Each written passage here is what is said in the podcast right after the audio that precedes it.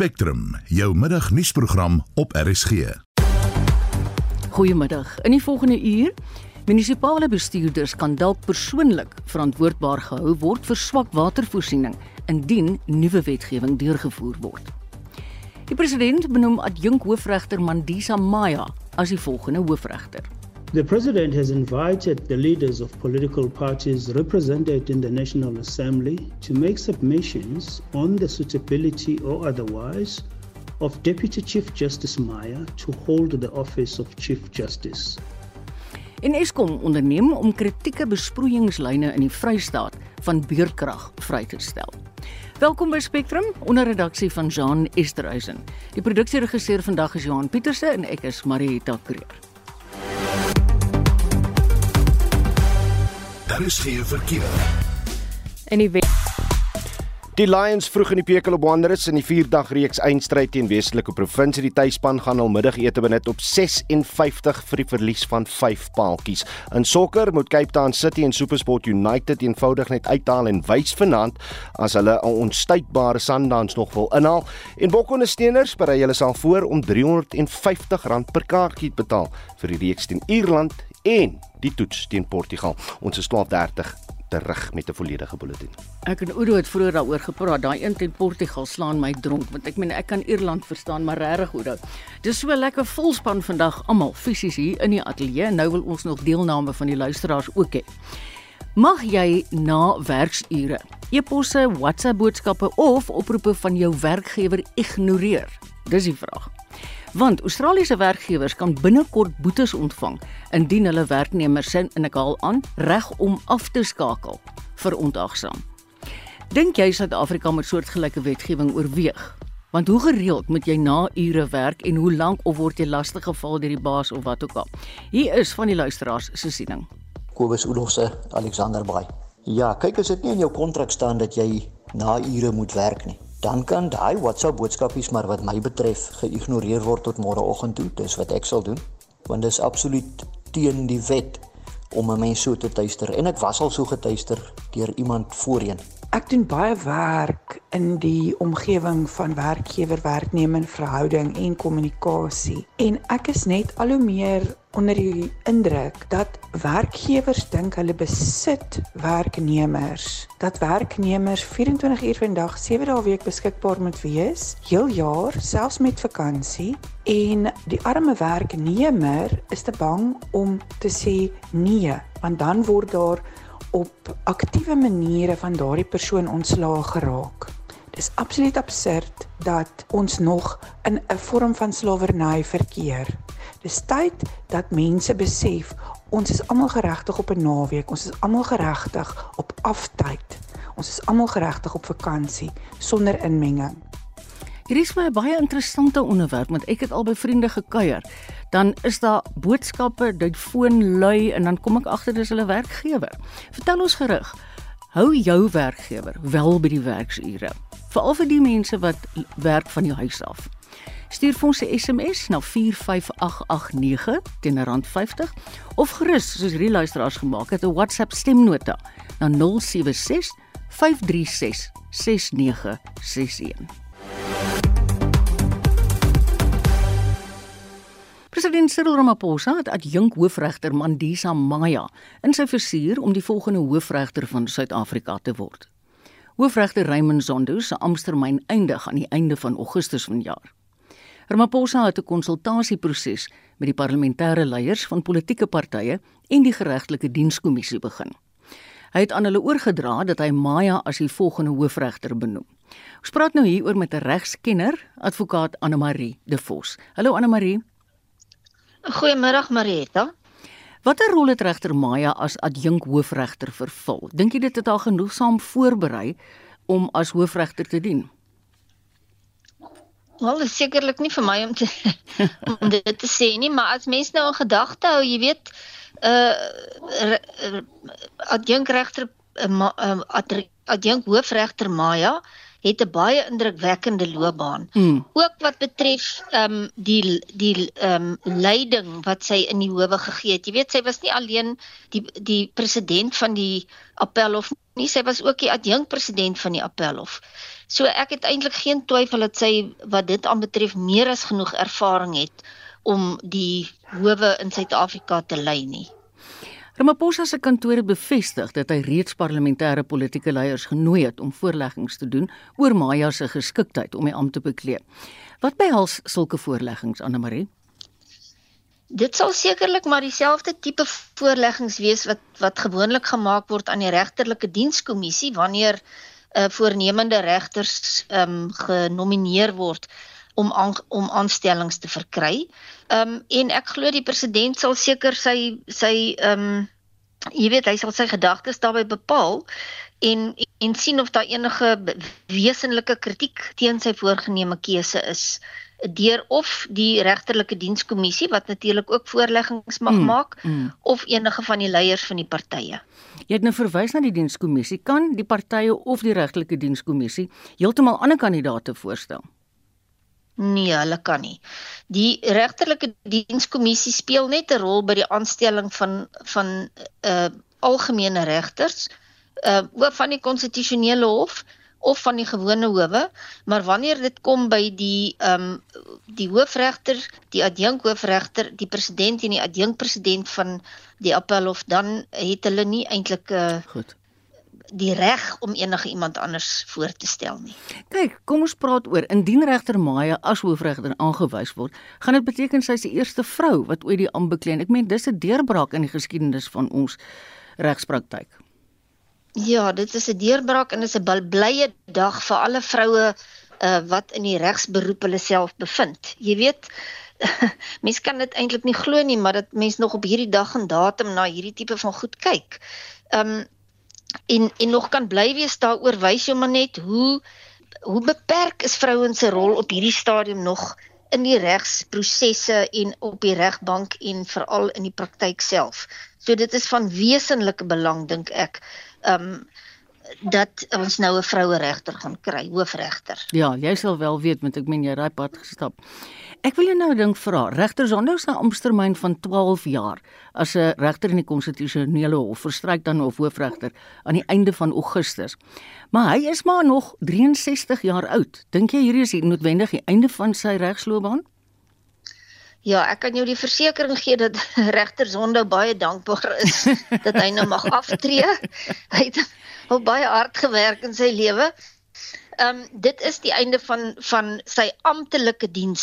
Jy weet, hy's nou 'n afgetrede regter en mag in daai opsig natuurlik is hy nooit uitgetree nie. Uh hulle mag die die president mag van uit afgetrede regters sekere goed verwag, maar hy gaan definitief nie weer in 'n hof um, enige diens hoef te doen nie. Ja, ek moet jou sê ek stem 100% met jou saam want ek dink hy het so hard gewerk tydens daai sondekommissie se ondersoeke. Ek dink hy stok flou. Baie dankie. Ja. Dit was advokaat Anne Marie de Vos.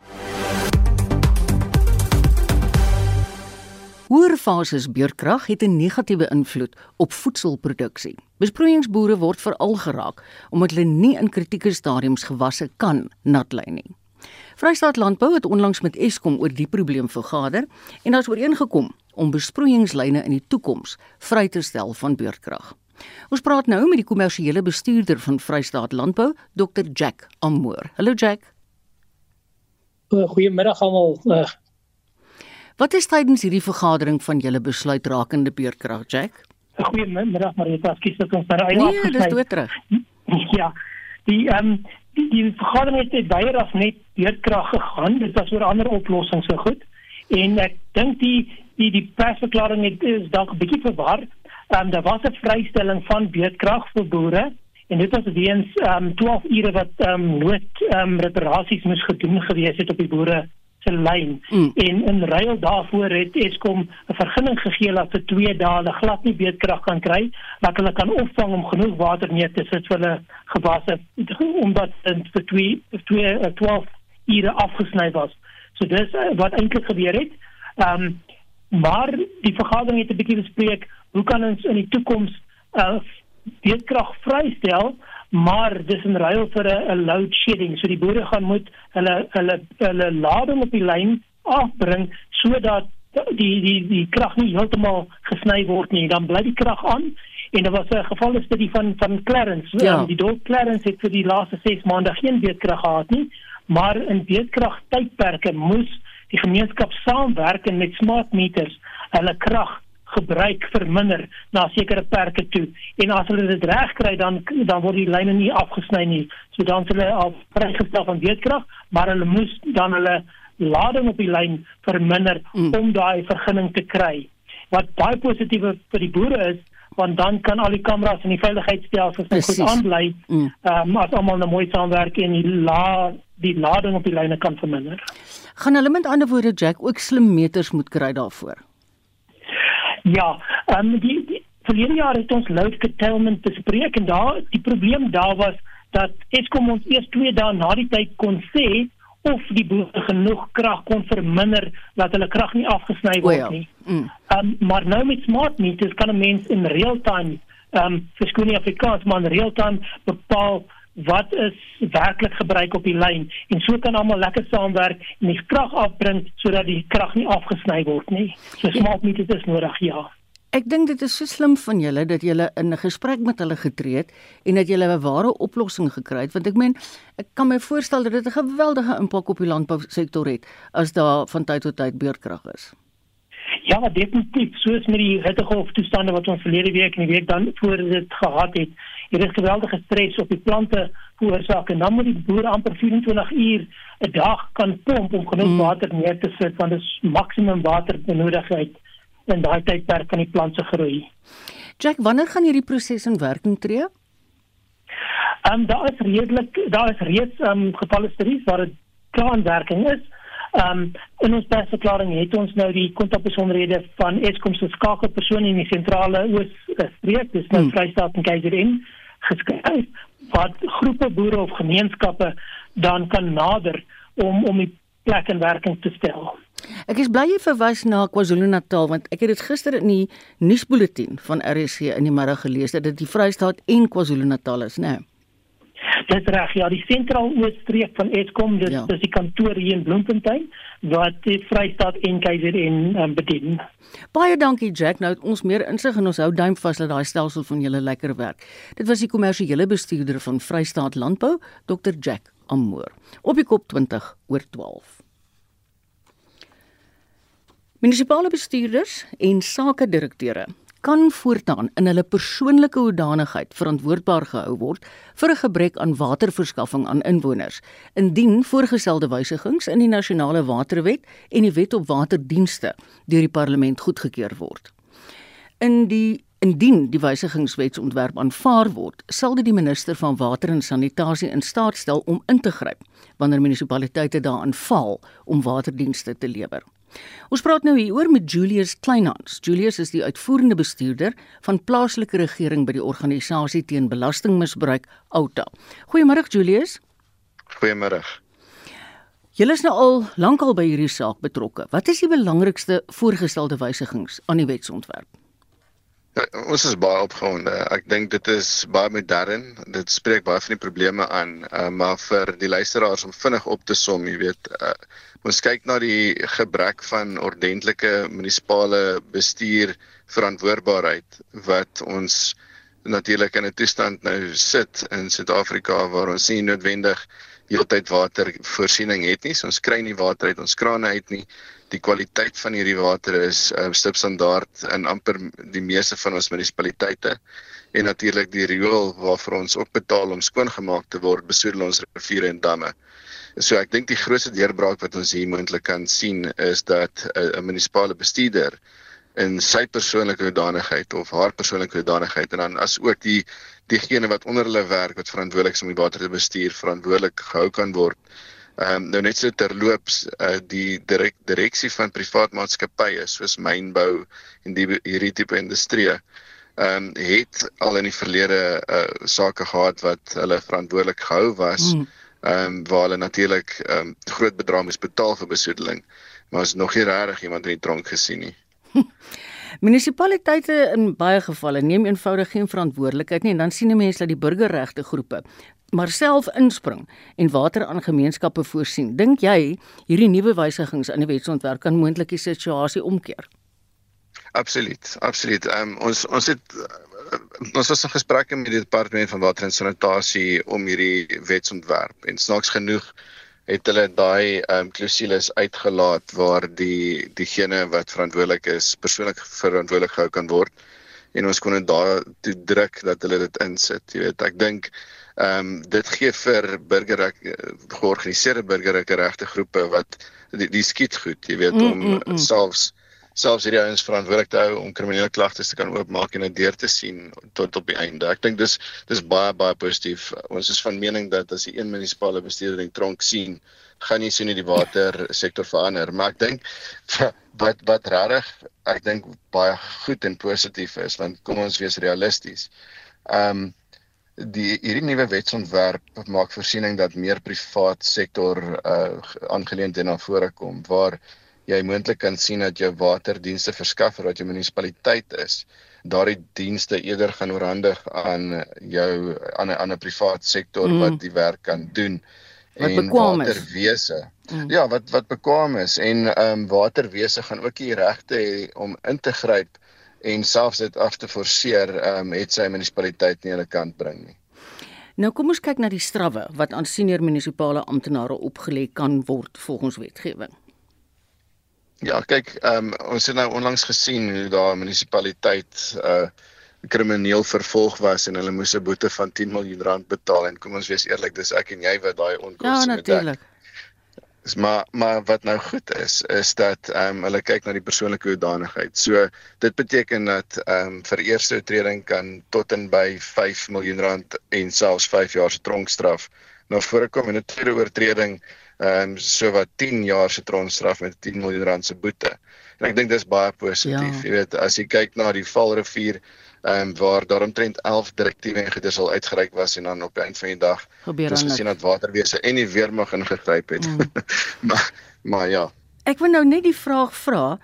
Ehm um, die minister van water en sanitasie sal hulle inderdaad hulle mag gebruik om hierdie wetgewing af te dwing ek uh, jy weet agter die skerms dink ek wil hulle al 'n klare voorbeeld van iemand maak. So dit is baie positief. Ek dink die die direkteur-generaal self en die administratiewe beamptes is baie gefokus om dinge om te draai. Mm. En hulle is baie bekwam. So uh, ons hoop vir die beste, maar ja, mense kort polities wil om hierdie goed af te dwing. Absoluut. Ehm um, maar ek dink ook die, die omgewingswetgewing maak voorsiening dat 'n mens ook kan kyk na privaat vervolging in hierdie aspek. Wel jy weet ek dink Julius dit gaan dalk ek weet nie ek vra keer dat politici dalk eerder twee keer dink voordat hulle hulle self verkiesbaar stel as munisipale bestuurders.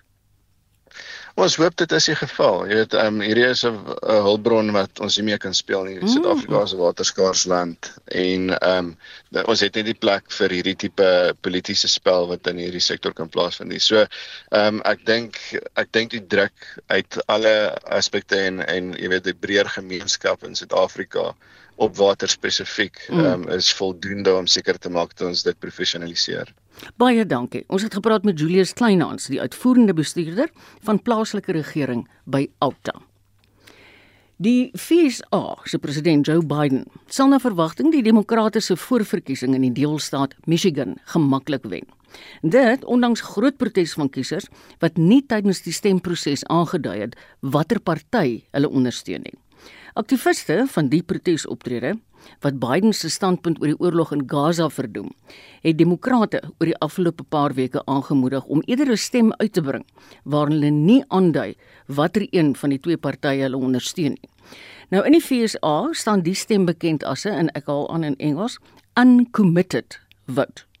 Ons praat nou met 'n dosent in praktyk aan die Universiteit van Johannesburg, professor Theo Venter. Hallo Theo. Hallo Marieta. Wat maak die voorverkiesing in die deelstaat Michigan anders as in ander deelstate? Dit is 'n oop verkiesing. Nou nou kom ek dis nou die 5de voorverkiesing wat plaasvind sedert um, Iowa en New Hampshire en en en so meer.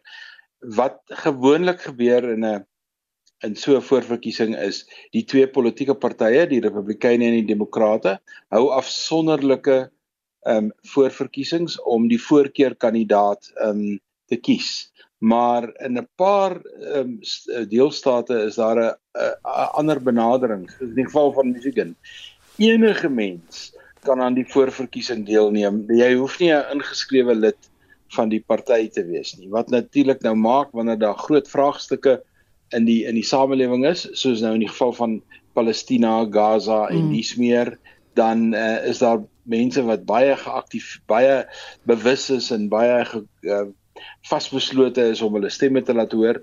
Hulle kry dus eintlik 'n twee kere om dit te doen. Hulle kry dit nou en dan kry hulle dit weer op die 5de November om nou hulle finale stem uit te bring. Ja. So dit maak dit anders. So mense kry met hierdie oop eh, voorverkiesings 'n redelike indruk oor mm. watter mm. vraagstukke in die samelewing ehm um, warm is. Hoewel al die stemme nou nog nie getel is nie, Theo, voorspel die jongste CBS News meningspeiling dat Biden met meer as 80% in Michigan gaan wen. Hoe lyk sy steun in ander deelstate? Ehm um, nog 'n nog 'n woord wat die Amerikaners gebruik wat ons maar die Engels voor kan gebruik as hulle praat van uh, die die die die die voornemende ehm um, uh presidentskandidaat en en jy kry dit eers daardie status wanneer al die tussenverkiesings verby is en jy dan eintlik formeel aangewys word as die partykandidaat. Mm. Die in unieke situasie in Amerika op die oomblik is beide Biden en Trump word eintlik nou al reeds gesien as die voorgenome of die voornemende kandidate vir die twee partye. So die die steun wat Trump gekry het in al 5 die voorverkiesings is oorweldigend. En dis dis dis oorweldigend. As jy 80% van die steun kry in jou ja. opponent, hmm. uh, Nikki Haley kry 16 of 17% en dan's daar 'n klomp mense wat on onverbonde is, die sogenaamde hmm. uncommitted vote waarvan jy gepraat het, uh, is maar net 'n aanduiding van watter vraagstukke later aan gaan plaasvind. Maar hierdie onverbonde stem um, is is is baie meer genuanceerd as wat dit op die oog af lyk want Trump se grootste probleem het nou weer gewys in in Michigan. As ons kyk wie vir Nikki Haley gestem en ons gaan kyk waar in in in in Michigan het dit gebeur, dan dit gebeur by Grand Rapids. Mm. Dit het gebeur by uh, um by die ander twee groot universiteitsdorpe. So mense wat ehm um, grade het wat wit is ehm um, en wat 'n klein bietjie meer eh uh, belangstel in die wêreld rondom hulle stem nie vir Donald Trump nie. En daar is 'n groter wordende meerderheid van onverbonde stemme wat in daardie kategorie voldoen wat nou vir Nikki Haley gaan stem het en wat ons dink in die verkiesing ehm um, waarskynlik uh in die vorige verkiesing het hulle vir Biden gestem. Hmm. Maar hierdie onverbonde stem is besig om weg te beweeg van Joe Biden af. Dis die ander interessante uit, uitslag wat nou besig is om te ontplooi in Michigan. Meer as 100 000 onverbonde stemme is teen Joe Biden uitgebring. Hy het by verre gewen uh met meer as 80%, amper 90%, maar die onverbonde ja, stemme mm. Was groot En hier is nou 'n interessante verskynsel. Die verwagting is dat die onverbonde stemme op die 5de November en na Biden se guns toe sal trek omdat hulle nie van ehm um, Trump hou nie. Maar dit lyk asof Biden se swak prestasie en sy swak voorkoms ehm um, kom ons gebruik 'n ander lekker Engelse woord, die optics van sy optrede. Ek verstaan. Maak maak dat die die onverbonde ouens sê kyk al kan ons Trump se persoonlikheid nie hanteer nie. Hy lyk na 'n beter kandidaat as Biden op die oomblik. Ja. Ek wil jou nooit jou kom ons luister gou na 'n klankgreep van die Amerikaanse politikus en verteenwoordiger in die Michigan distrik, Rashida Tlaib. Sy is ook die eerste Palestynse vrou wat tot die Amerikaanse Kongres verkies is. I was proud today to walk in and pull a democratic ballot and vote uncommitted. We must protect our democracy. We must make sure that our government is about us, about the people. When 74% of Democrats in Michigan support a ceasefire, yet President Biden is not hearing us. This is the way we can use our democracy to say, listen, listen to Michigan. Dit was die stem van Rashida Tlaib. Het jy enige reaksie daarop? Ja, baie bepaald. Ek dit sluit aan by wat ek gesê het net voor die onderhoud. Laat ek net die luisteraars een of twee um, stukkies inligting gee. Uh Michigan het die grootste konsentrasie van Arabies verwante mense um, in Amerika. Mm. Um, die Amerikaners verwys daarna as Arab Americans. Um ongeveer 310 000 van hulle. En ongeveer 110 000 van hierdie uh, 310 000 um sê dat hulle eintlik Arabies van oorsprong is en en nog um die Arabiese kultuur uh ondersteun. Mm. So die dame wat nou gepraat het verteenwoordig presies daardie segment in in Michigan wat vir jou sê dat die oorlog in Gaza soos hy op die oomblik plaasvind 'n baie baie bepaalde uitwerking gaan hê op die verkiesing op die 5de November. Nie nie nie groot nie, maar in sekere plekke, veral plekke waar Joe Biden kon steun op voorstedelike kiesers wat onverbonde is, grade het en oor die algemeen ongelukkig is met Trump. Goed. Hulle is nou in 'n blik gedruk. Theo baie dankie vir jou insig. Dit was professor Theo Venter. Hy's verbonde aan die Universiteit van Johannesburg. Jy luister na Spectrum elke weekmiddag tussen 12 en 1. In die tweede helfte van ons program, die kommunikasieowerheid Ukosa sê uitsaaiers, veral die SAIK, moet gelyke ligtheid aan politieke partye gee om hulle verkiesingsboodskappe uit te saai.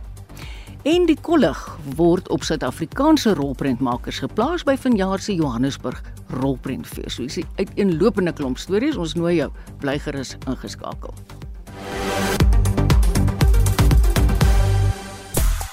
Ons het vroeër in die program ge gevra vir die luisteraars: Hou jou werkgewer by werksure en hoe gereeld moet jy na ure werk? Dit iemand op die SMS lyn geskryf. Dit geld nie net vir werkgewers nie. Werkgewers word ook oor naweke gepla deur werkers wat nie wat nie. Hulle wil geld leen. Kom ons luister wat julle op die WhatsApp lyn sê. Werk is werk. Vandag se tyd moet ons ons maatskappye regop hou. Ons het 'n verpligting teenoor hulle net soos wat hulle teenoor ons het. Ons moet kans kry om te rus. Dit is heeltemal waar. Maar kom ons kyk, ons moet die ekonomie omdraai. Ons moet ons maatskappye beskerm en ons kan dan aanspraak maak op al hierdie ander voorregte. Die Australiese dollar R16 teenoor 'n dollar. Dit wys nou maar net daar's niks soos produktiwiteit en dissipline nie. Ons kan nie ons land onder ons laat uitloop omdat ons nie wil werk. Hoe gaan jy 'n toekoms vir jou kinders bou as jy by jou huis lê en niks doen nie? As daar tyd is, moet ons werk en klaar kry en hierdie besigheid regop hou. As onderwyser wil ek net hier byvoeg. In die onderwys is ons al voorskool. Dit beteken al hier van 7 uur af in die oggend by die skool, want dan moet iemand op die speelgrond wees as die kindertjies wat vroeg kom arriveer. Dan hou ons heeldag skool. Dan ons die middag, dit is 'n verplig jy moet sport gee of jy opgelei is daarvoor of jy gekwalifiseer is daarvoor of nie. Doen jy sport dan kom jy 5 uur by die huis. Dan het jy nog sewe stelle boeke om te merk. Jy het aandvergaderings van PTA's en governing bodies ensovoorts wat jy moet bywoon. Dan werk jy Saterdag heeldag want gewoonlik is daar Saterdag ook sport. Dan werk jy heeldag Sondag. Jy gaan nooit saam met jou familie uit nie want daar's nie tyd nie. Jy werk toe as deur skoolvakansies, hierdie vier wonderlike vakansies wat ons kan maak kry. Dit hou net nooit op nie. Vir 'n onderwyser is daar geen afsluitpunt nie en weet jy werklik ek dink hulle kan 'n sport wegvat van onderwysers af te sny. Hulle is nie opgelei daarvoor nie, is nie hulle werk nie. En net om boeke te merk is so lank soos 'n skooldag en so kan ons aangaan. So dit is die mees misbruikte beroep. Daar is nooit aftyd vir 'n ou wat skool hou nie. Baie interessant. Ek weet van iemand wat uh, bedank het uit die skool uit gewoon net omdat sy nooit naby by haar familie kan wees nie oor hierdie sport ding. Nou Henny van Swartwater skryf: Ongelukkig is baie van ons in 'n posisie wat ons nie na uurse telefoonoproepe kan ignoreer nie.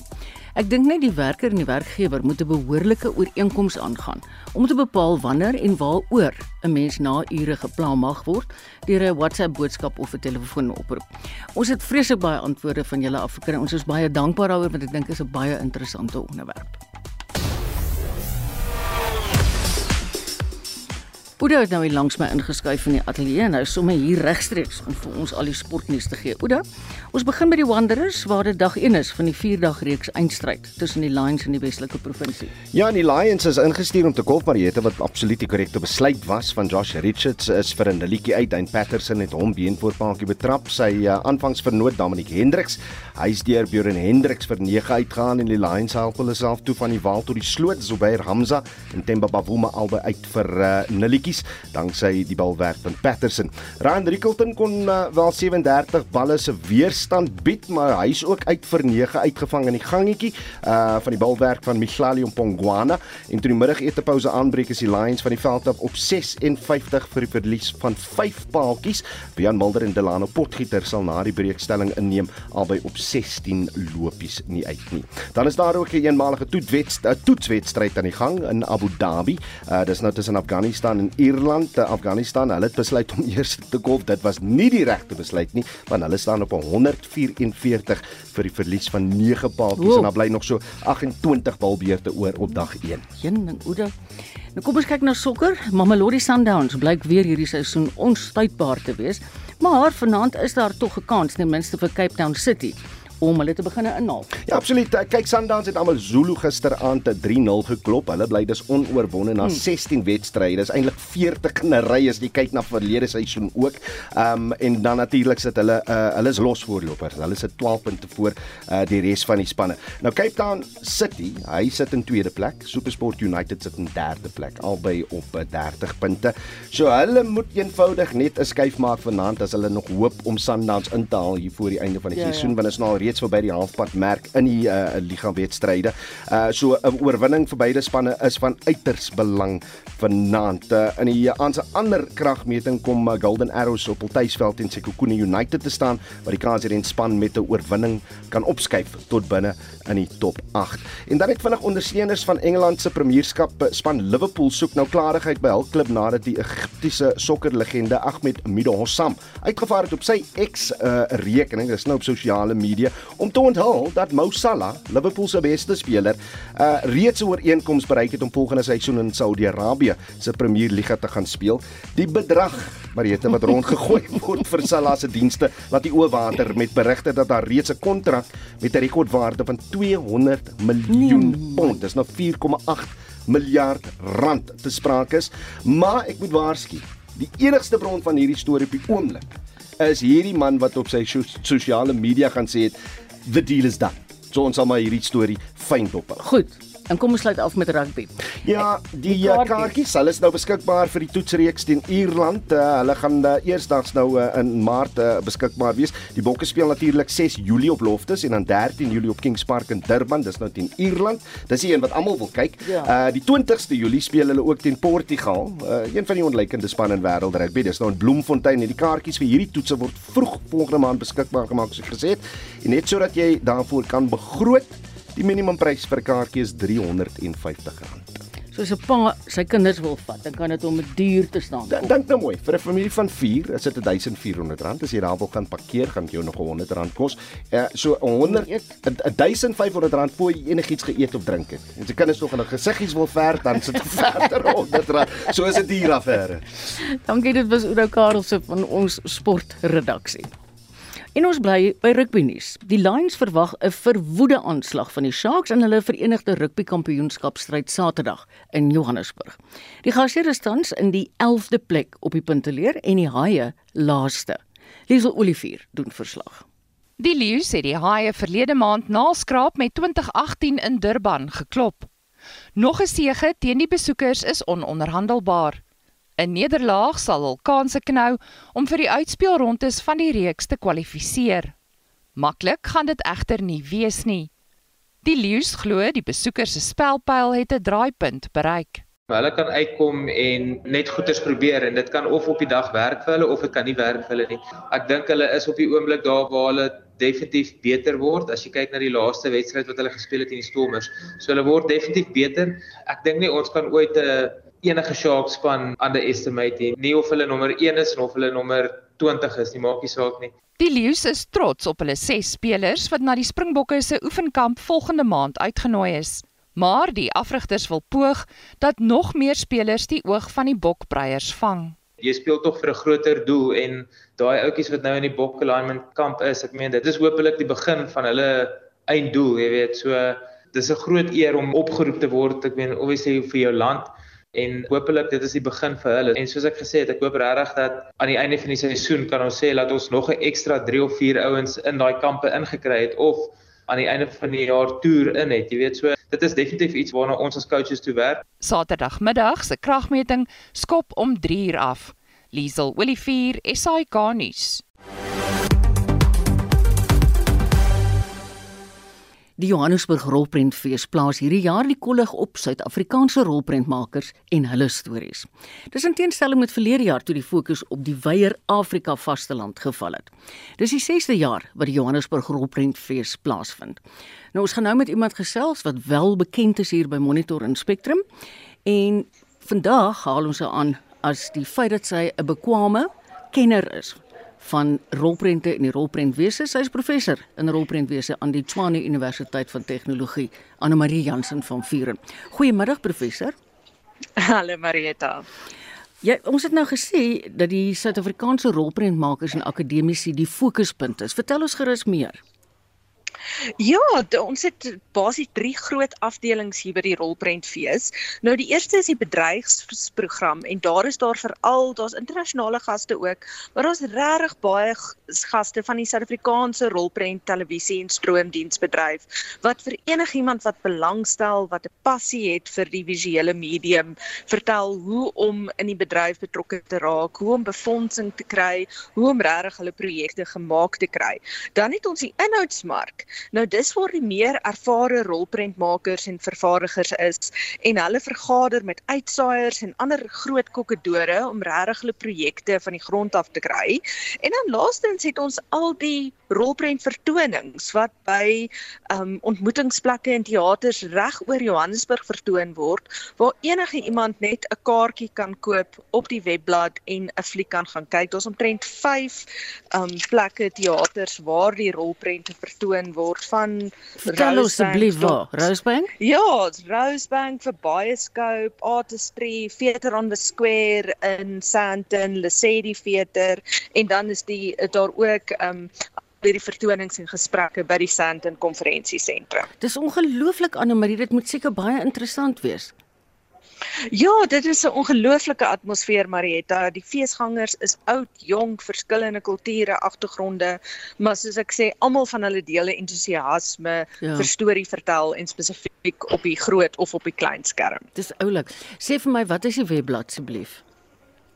Uh dit is die jy kan basies net Google vir Joburg Film Festival okay. en dan Goed sal al die inligting daarop verskyn. Geniet dit ja. Anne Marie, ek weet dis jou kos hierdie tipe dinge. Dit was ons medewerker en ook 'n professor in rolprentwese by die Tshwane Universiteit van Tegnologie Anne Marie Jansen van Vuren.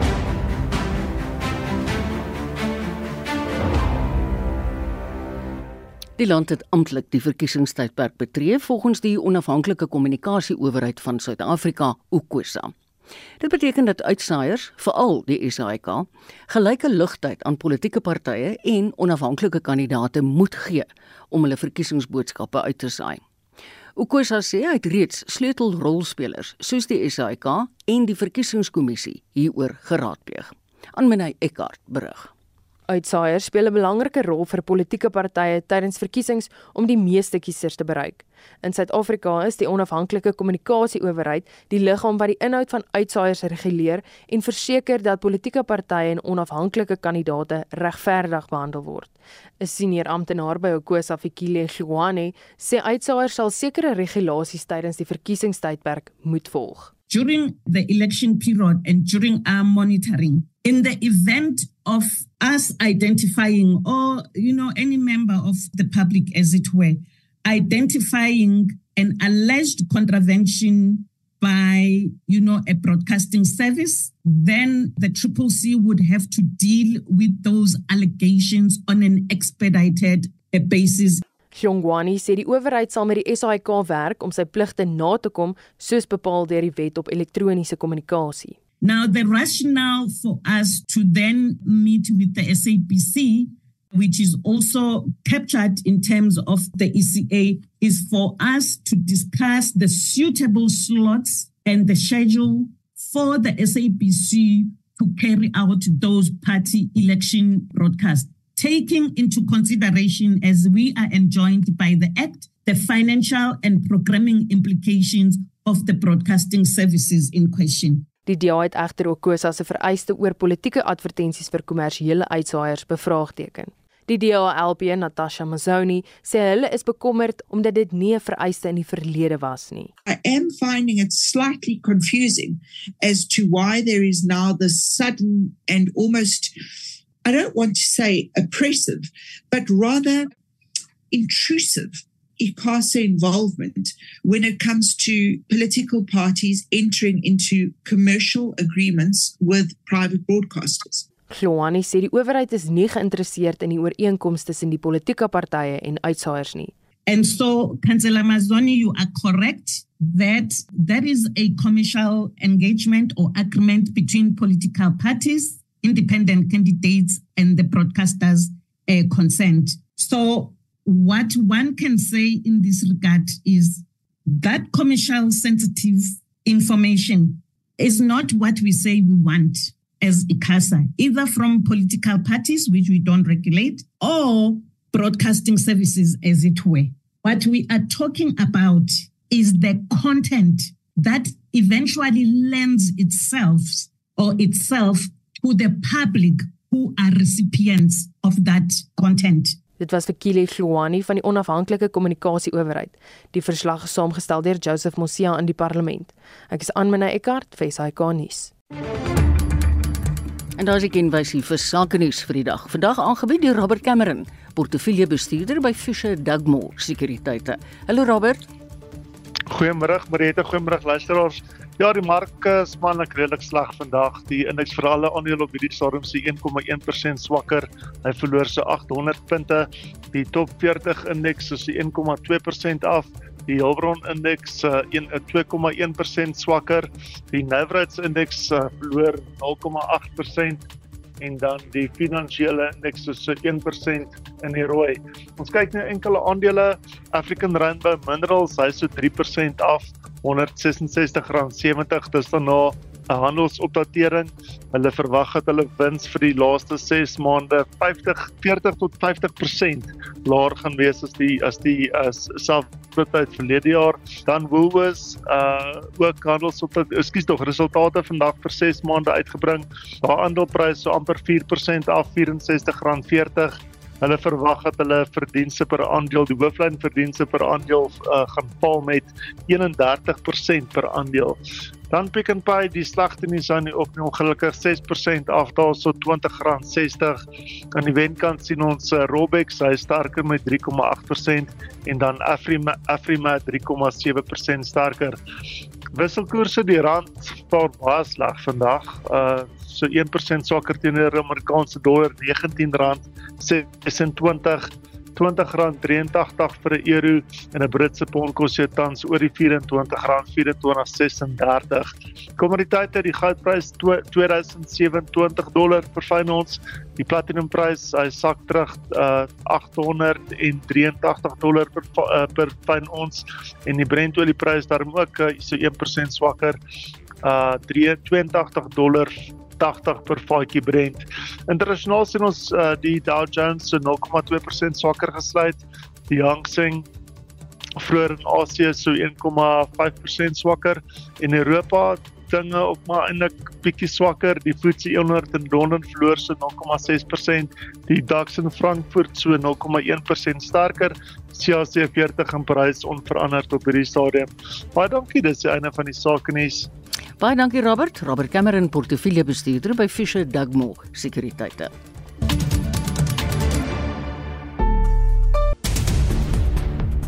Ons almal in die ateljee het nou so lekker gelag vir Wessel, so lokker vir sy motorrubriek Saterdag. Tannie wat hom nie hoor nie, ek meen regtig. Estie het ingekom in die ateljee en sy kyk na al die nuus van die dag, maar ons gaan begin met nuus uit die Gautengse provinsiale wetgewer waar die portefeulje komitee vir gemeenskapsveiligheid die moord op 'n mediese dokter in Dobsonville, Soweto die afgelope naweek verdoem het. Het jy meer besonderhede is? Ja, Marietta, drie verdagtes sit na bewering na hierdie dokter se spreekkamer toe gegaan onder die voorwendsel dat hulle mediese behandeling vir hulle vriend gesoek het en hulle het na bewering op die dokter begin skiet die oomblik toe hulle in sy konsultasiekamer ingestap het. Hier is die woordvoerder van die gemeenskapsveiligheid portefeulje komitee, Tebe Kumalo. The committee urgently calls on law enforcement agencies in Gauteng to swiftly apprehend those responsible for this senseless act of violence and ensure that they are brought to justice. It is imperative that we send a resounding message that senseless crime of this nature have no place in our society and that perpetrators will be held accountable for their action. Dit was die woordvoerder van die gemeenskapsveiligheid portefeulje komitee in Gauteng se wetgewer Tebe Kumalo. As ons ons fokus verskuif na die Oos-Kaap, hier meer of vlam op tydens die eerste openbare verhore oor die voorgestelde naamsverandering van dorpe in die Dr Beyersnodde plaaslike munisipaliteit. En dit het spesifiek betrekking op die naamsverandering van die dorpe Graafrenet na Robert Mangaliso Sebukwe en Adendorp na Kwamseki Bishu Limba en die departement van kuns en kultuur in samewerking met die Oos-Kaapse provinsiale geografiese namekomitee het openbare verhore in Graafrenet gehou.